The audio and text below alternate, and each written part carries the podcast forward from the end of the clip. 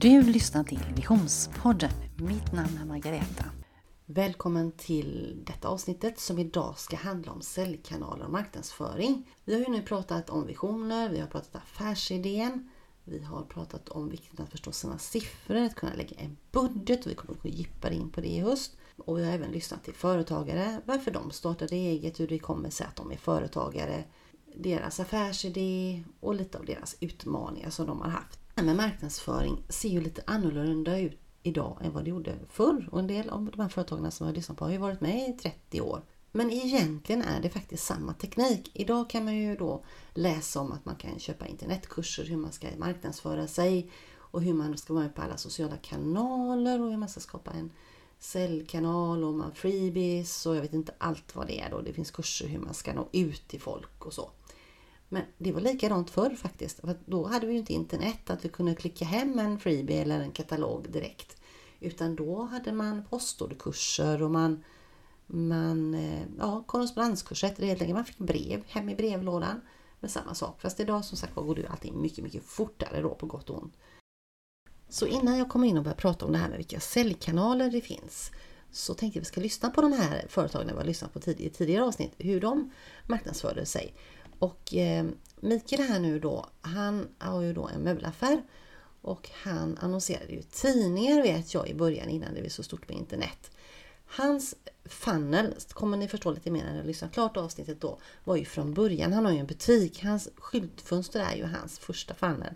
Där man går förbi och ser och får den här, aha, där kanske kan vara en soffa. Och så går man förbi flera gånger. Men så här berättade han hittar kunderna dig då? Hur, vet de att men det här bäddsofflagret, de här har kvalitet? Hur, hur särskiljer du dig liksom marknadsföringsmässigt? Marknadsföringsmässigt. Det, som jag sa tidigare, cirka 20 år sedan så, så kände jag att man måste vara digital för att kunna nå ut. Jag var lite tidig, vi hade väl inga direkta idéer, lite grann hur ska vi göra, vad, vad, hur, vilken väg går man? Men i, idag, eh, väljer man den vägen så får man ju, det, det är sociala medier och det är, och gäller att vara stor på Google och det, det kostar pengar men vi, idag lägger vi inga pengar på eh, marknadsföring när det gäller dagspress och en annan typ av eh, marknadsföring som man gjorde förr för 25 år sedan. Då, då marknadsför du på ett helt annat sätt. Så idag gäller det att vara stor och synas på internet helt enkelt och i sociala medier. Det, det är där man lägger allt krut. Mm. Det stämmer för det var ju jättedyrt dagspress. Nu har ju tyvärr eh, även Google och Facebook och de blivit ganska dyra också då. Men när du fick känslan att ah, nu ska jag köra lite mer internet och så för 20 år sedan. Det var ju modigt egentligen och väldigt i framkant måste jag säga. Och du var väl även lite, hade inte du med din bror en tag i periodvis i företaget? Vad, vad, ty, vad han vet jag du har berättat för mig var mycket för datorer. Vad trodde han? Trodde han på dig då när du kom? Nu ska vi gå in på internet. Nej, han, han sa redan då att nej, det är för dyra kapitalvaror för att sälja. Det är ingen som kommer köpa där. Och det, det motståndet fick jag i princip överallt. Förutom då Andreas som satt med mig då. Vi satt och spånade och sådär då. vi hade ju högtflygande planer men det blev inte alls givetvis så som vi trodde då. Hur syns man? Det visste vi ju inte då. då var det ju inte alls samma som det är idag för 20 år sedan. Nej, nej, det är jättestor skillnad. Det har verkligen hänt mycket. Och Facebook fanns ju inte ens på den tiden på det sättet. Och vi får väl se hur länge de, de blir kvar. Men det kommer alltid något nytt, eller hur? Det är väl ändå det som är kontentan. Att det är på ett sätt idag och imorgon är det på ett annat sätt. Och det gäller ju då att fånga upp då. Och ibland är man för tidig och lägger massa pengar och så går inte det då. Och så ger man upp kanske då. Eller också hänger man i då. Och det, det tror jag har varit strångt av dig att kunna göra. Jag tänker på att ibland är det inte alltid bra att vara för tidig. Men å andra sidan, för sent på bollen kan ju vara svårt också, eller hur? Är det många som säger det till dig? Fasen vad du var snabb med det här och du kan märka typ en liten avundsjuka eller? Nej. Inget sånt? Nej. Nej. Nej, det är väl ingen som vet att vi var så tidiga för det, vad ska man säga, våran försäljning på webbförsäljning exploderade ungefär som allt exploderade på när det gäller nätförsäljning, framförallt dyrare kapitalvaror. Så att det är väl ingen som, nej, det tror jag inte. Det, det är väl mest de de som står mig väldigt nära som sa det att jäklar vad tidig du, var, tidig du var med det. Men jag hade ju ingen direkt plan hur vi skulle göra. Jag kände bara att fan det här kan vara en grym grej och synas digitalt. Ja, det tror det är det som utmärker folk som klarar sig. Du nämnde ju corona alldeles nyss. Det var ju en stor kris och de som hade då, och du var en av dem då som verkligen tittade över kostnaderna. Vad kan man göra istället? Och hade lite backup-planer då. De som inte har det, som aldrig lyfter blicken utan bara kör på. De är oftast förlorarna då. Men eh, hur kände du när corona kom? Hur kändes det? Var det inte lite jobbigt? Ja, det var ju tvärnit. Mm. Så det, det trodde vi givetvis att ja, vi har väl ett företag kvar kanske ett år och då kan vi ju inte driva något eftersom mina leverantörer sa att vi har ingen fabrik kvar om ett år. Då hade jag inte någonstans att köpa varor. och det var ingen som handlade varor heller så då, då var vi rökta i vilket fall. Alltså. Men säg att det höll i kanske ett par tre veckor. Den här, eh, ja, det var ju ingen panik heller utan det var ju mer hopplöshet. Man, alltså, folk man ringde dem samtidigt så var det lite, det var lite ironiskt för folk satt och skrattade för det, det, alltså det, var ju, det, det här liknade ju ingenting. Liksom. Men alla sa ju samma sak. Ett år, två år, ge oss, ja, ett år, mellan ett och två år så har vi inga företag kvar. Alla sa likadant, liksom, vem man än ringde. Och även de som aldrig har råkat ut för en lågkonjunktur utan det är tuffare att, att gå liksom. Eh, till och med de var oroliga. Men ah, vad ska man göra? Det, det, det, var ju bara att sitta lugnt i båten och dra i handbromsen när det gäller alla kostnader. Och, och det, och så pratade jag med Lena och hon satsade på en väldigt fin hemsida vet jag. Där hon var hon väldigt i framkant med en snygg... Eh, hon, väldigt, hon gillar ju det här med design så det var väldigt snyggt igenom. sig. snygga visitkort, fin hemsida. Men hur hittade hon sina kunder? För hon behövde faktiskt inte annonsera och det här med sociala medier är ju ingenting för henne riktigt. Och hon har hållit på länge också så det var ju inte sociala medier i början. Och så här svarade hon. Man pratar idag hur ska man nå ut då med försäljning då? Och jag har tidigare poddavsnitt pratat om sociala medier och så. Och det fanns ju inte då när du drev Sivert Company då. Hur liksom, tog du kontakt kunderna då? Ja, dels gäller ju att välja ut vilka företag som är, passar den nischen som jag har, har inom eh, produktområdet. Och sedan så har grundläggande varit hos mig, det har varit det att försöka få tag på rätt person. Det är en begåvning att få tag på vem är det som skriver under en order. Det finns många som vill tycka. Och det andra är att träffa personer personligen från början. Och sedan så kan man mejla, smsa, prata i telefon och så vidare. Men träffa första gången så man känner att personkemin stämmer. Det här brister hos många för man tror att man kan åka snålskjuts på olika sätt. En del av snålskjutsen kan definitivt idag göras via sociala medier. Men det är inte allt som går att lösa den vägen. Nej, för det, det fanns ju inte på den tiden då och det funkade ju jättebra för dig. Så att jag menar, och det glömmer man nog gärna av idag när man liksom saluför det här med sociala medier och hur man ska göra där. Men jag har kommit på det många gånger att den gamla tekniken funkar ju lika bra då. Kanske till och med bättre idag. För många är lite trötta då på att bli uppnådda hela tiden då av olika säljgrejer. En del öppnar inte, idag ska man ju samla e-mailadresser liksom. Mm. Och en del öppnar inte ens mejlen och då har man ju, då är det lite kött. Men hur fick du tag i de här då? Du skulle få det här första mötet då. Ringde du runt då eller hur fick du tag i de här personerna? Ja, Sivert Company så jobbar jag ju mest med arkitektkontor och de hade jag ju kontakt med sedan tidigare då när jag hade jobbat på, på Ekofon. Eh, så där var ju inga konstigheter. Sen hade jag ju byggt upp eh, kontakter Eh, genom att dels att de visste det att när jag kom så, så var jag kort, koncis, höll inte på att dra ut på deras arbetstid i onödan. Jag hade alltid kaffebröd med mig. Det var väldigt lyckat kan jag säga. Det var många ordrar som kom genom det kaffebrödet. Eh, och sedan så gällde det att följa upp. Håll inte på och säg att du, du eh, tror någonting när någon frågar om en produkt. Utan säg så här, jag får återkomma i, i eftermiddag. Och då återkommer jag också i eftermiddag. För det är ett stort problem överhuvudtaget. Det är att människor håller inte vad de har lovat. Och det är nog något av det mest irriterande. För en kund tänker alltid så här. Håller inte säljaren när den har lovat att komma tillbaka på eftermiddagen. Då kommer jag få problem med den säljaren när jag beställer en produkt. Att eh, leveranstiden inte kommer hållas heller.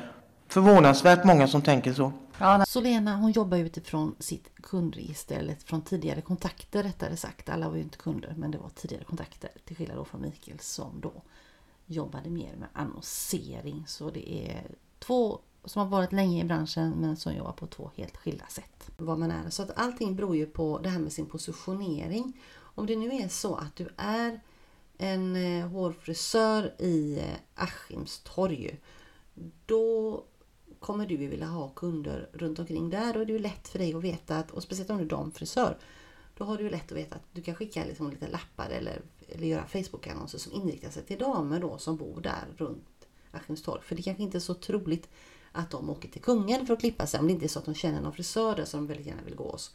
Det troligaste är ju att då man kanske går till en frisör i sin närhet om man inte redan har en då någon annanstans och, och tänker sig det. Men om man söker en frisör så söker man kanske ofta sin närhet. Ett exempel jag hade i en annan podd var ju det här med den som hade agenturen på en hammare. Den kan man ju däremot nå över hela landet, kanske hela världen till och med. Men där har man också en nisch. Den här hammaren riktade sig då till snickare. Och då när man då ska marknadsföra sig så kan man ju leta upp. Om vi nu säger att man gör Facebook-annonsen, hoppar jag rakt upp och ner här. Då kan man ju då välja ut då att man ska rikta sig till snickare. Och så får man ju fundera på om man vill sälja över hela världen eller vill börja i Sverige. Det var ett exempel här nu då. Men först behöver man ju veta vad, vad, vad, det är för, hur det går till det här med marknadsföringskanal. Hur fungerar det? Och det är något som kallas för funnel och det tänkte jag berätta lite grann om mer här. Ordet funnel kommer från engelskan och betyder tratt. Och en sales funnel, det är din marknadsföringsplan. Och varför använder man då det ordet som funnel och sales funnel? Jag ska berätta lite mer om det här. Det är helt enkelt den här försäljningsstrategin du har och då brukar man åskådliggöra det med hur en tratt ser ut. För om du tänker på en tratt så är den ju väldigt vid upp till och så smalar den av ner till där liksom, typ om du häller i vattnet där vatten rinner in då. Och det är som så här att när du ska få locka en kund till dig då, då behöver du göra kunden medveten om att du finns. Och då behöver du sprida dig så mycket som möjligt och då är det ju den stora delen på tratten som du är ute då och liksom letar efter dina kunder. Och sen när kunderna då blir medvetna om dig, att du finns, då har du kommit lite längre ner på den här tratten. Det börjar smalna av lite grann för att du säger, vi säger att du når ut till 10 000 människor, men det kanske är 5 000 som är intresserade av dig. Då har du kommit lite längre ner i den här tratten. Och sen när de då börjar känna att ah, men det här kanske kan vara någonting för mig. Då kanske du är nere i 2500 personer, kommit ännu längre ner på tratten. Och när, folk, när sen leder till köp då kanske du har två personer kvar och det är de som rinner igenom då själva röret i tratten. Man säger ju inte tratt på svenska, det låter ju inte så coolt. Så man använder det engelska ordet funnel. Man säger ibland så här att din sales funnel, det är din automatiserade process. Men hur går det här nu till då? Ja, man kan tänka på hur var det förr? Ja, då hade du en butik. Eh, som Mikael som jag pratade med förra veckan, han har ju en butik. Om jag då var intresserad av en soffa så gick jag på gatan där och så kom jag förbi hans butik. Och så tittade jag in i skyltfönstret. Då är jag ju längst upp på tratten, steg ett då. Jag blir liksom medveten om att aha, här finns det fina soffor. Nästa steg då, eh, att jag visade ett mer intresse för det, det var att då går jag in i butiken och så går jag runt och tittar och så börjar jag provsitta lite soffor och då börjar jag få en önskan. Ah, det här skulle jag vilja ha, den här soffan var liksom bra. Då har jag kommit en, ännu ett steg ner då. Och sen då så tänker jag så här, men går jag fram till expediten och så vad kostar den här soffan och när kan jag få den levererad? Det leder sen till action då, att jag köper den här produkten då. Idag då så är det ju på ett annorlunda sätt då, för då har vi ju väldigt, väldigt mycket marknadsföring på nätet då som blir en del av en sales funnel. För då, då menar man så här lite vidare begrepp. Vilken metod använder du för att sprida ditt budskap? Och då har man det här begreppet då. Och genom att förstå då sin sales funnel och sina kunders process då så kan man då hitta de här hålen som gör att eh, kunderna inte försvinner utan att de kommer till dig då och köper av dig. Och då brukar man kalla det att, att det leder till Eh, konvertering, alltså convert på engelska, det är alltså köp då. Många tittar ju då på nätet då och annonserar på Google och Facebook. Och där har de ju då kunnat se då hur folk har klickat sig vidare för att komma till din hemsida. Och då kan man ju då ta lite beslut hur man ska annonsera då, för man kan följa då hur en person har surfat runt.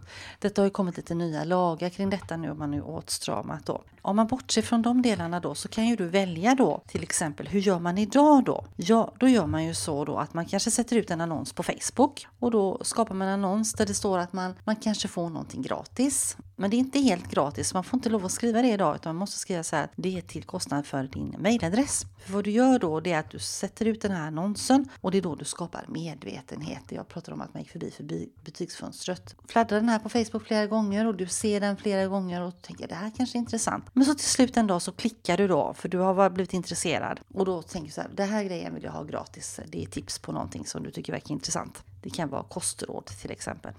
Jag bara säger något. Eller du kan komma och provträna en gång gratis. Och du har gått och funderat på detta jättelänge. Då, då till slut så bestämmer du dig. Och då ger du din e-postadress och då får du den här rabattkupongen eller provträningen eller vad det nu kan vara då. För du har gått från medvetande, från intresse till beslut då.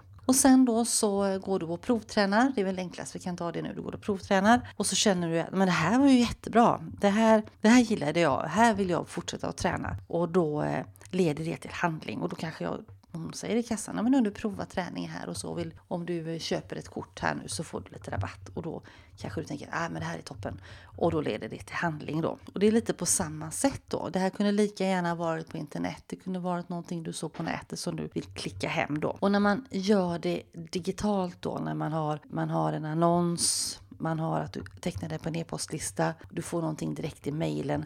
Då brukar man kalla att man automatiserat den här processen. Och de, för att få det här automatiserat så finns det vissa programvaror man kan skaffa. De kan kosta en hel del, men det finns faktiskt programvaror som inte kostar något. Och där man då kan göra någonting som heter en landing page där man lägger upp det här erbjudandet då. Och sen annonserar man på Facebook till exempel. Och då klickar man då i och fyller i din e-postadress och det kommer ju inte den av liksom automatiskt rakt in till dig utan ett program emellan där då. Och då har man ett programverktyg då som samlar in de här e-postadresserna och som skickar vidare det då till din adress så att du då kan skicka ut det här erbjudandet. Så det här var lite grann vad en sales funnel var. Och vad du får göra nu då är att fundera på hur ser din sales funnel ut? Har du någon sån här sales funnel? Har du en butik? Har du ett skyltfönster? Är det något du till exempel kan förändra i det?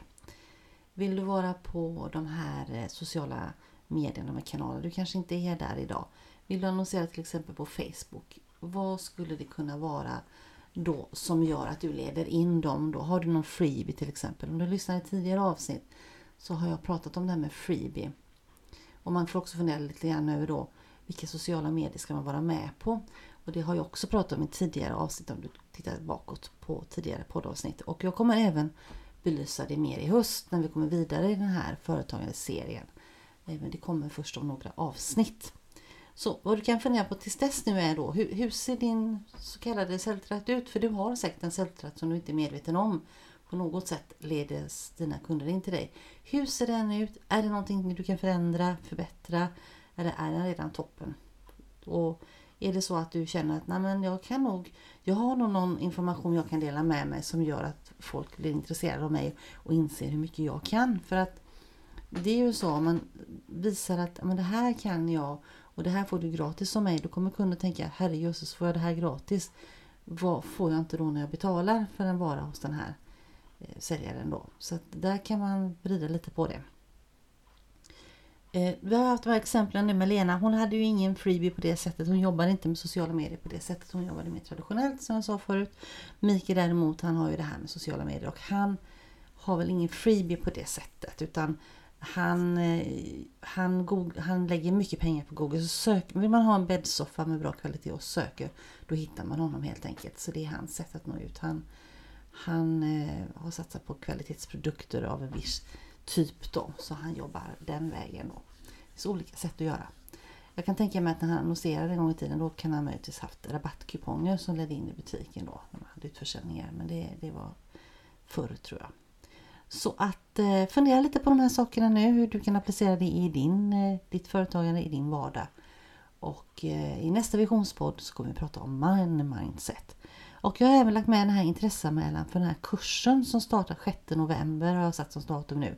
Då har vi den här 30 dagars utmaningen. På 30 dagar kan du genom att läsa ett mejl från mig några minuter per dag bemästra det här på ett helt annat sätt och förstå dina siffror och kunna göra en budget på ett enklare sätt. Eh, det finns med i programbeskrivningen, finns även på Facebook. Du kan gå upp och läsa vad den innehåller och hur den går till. Veckorna är upplagda. Jag kommer prata mer om det senare. Men på åhörande!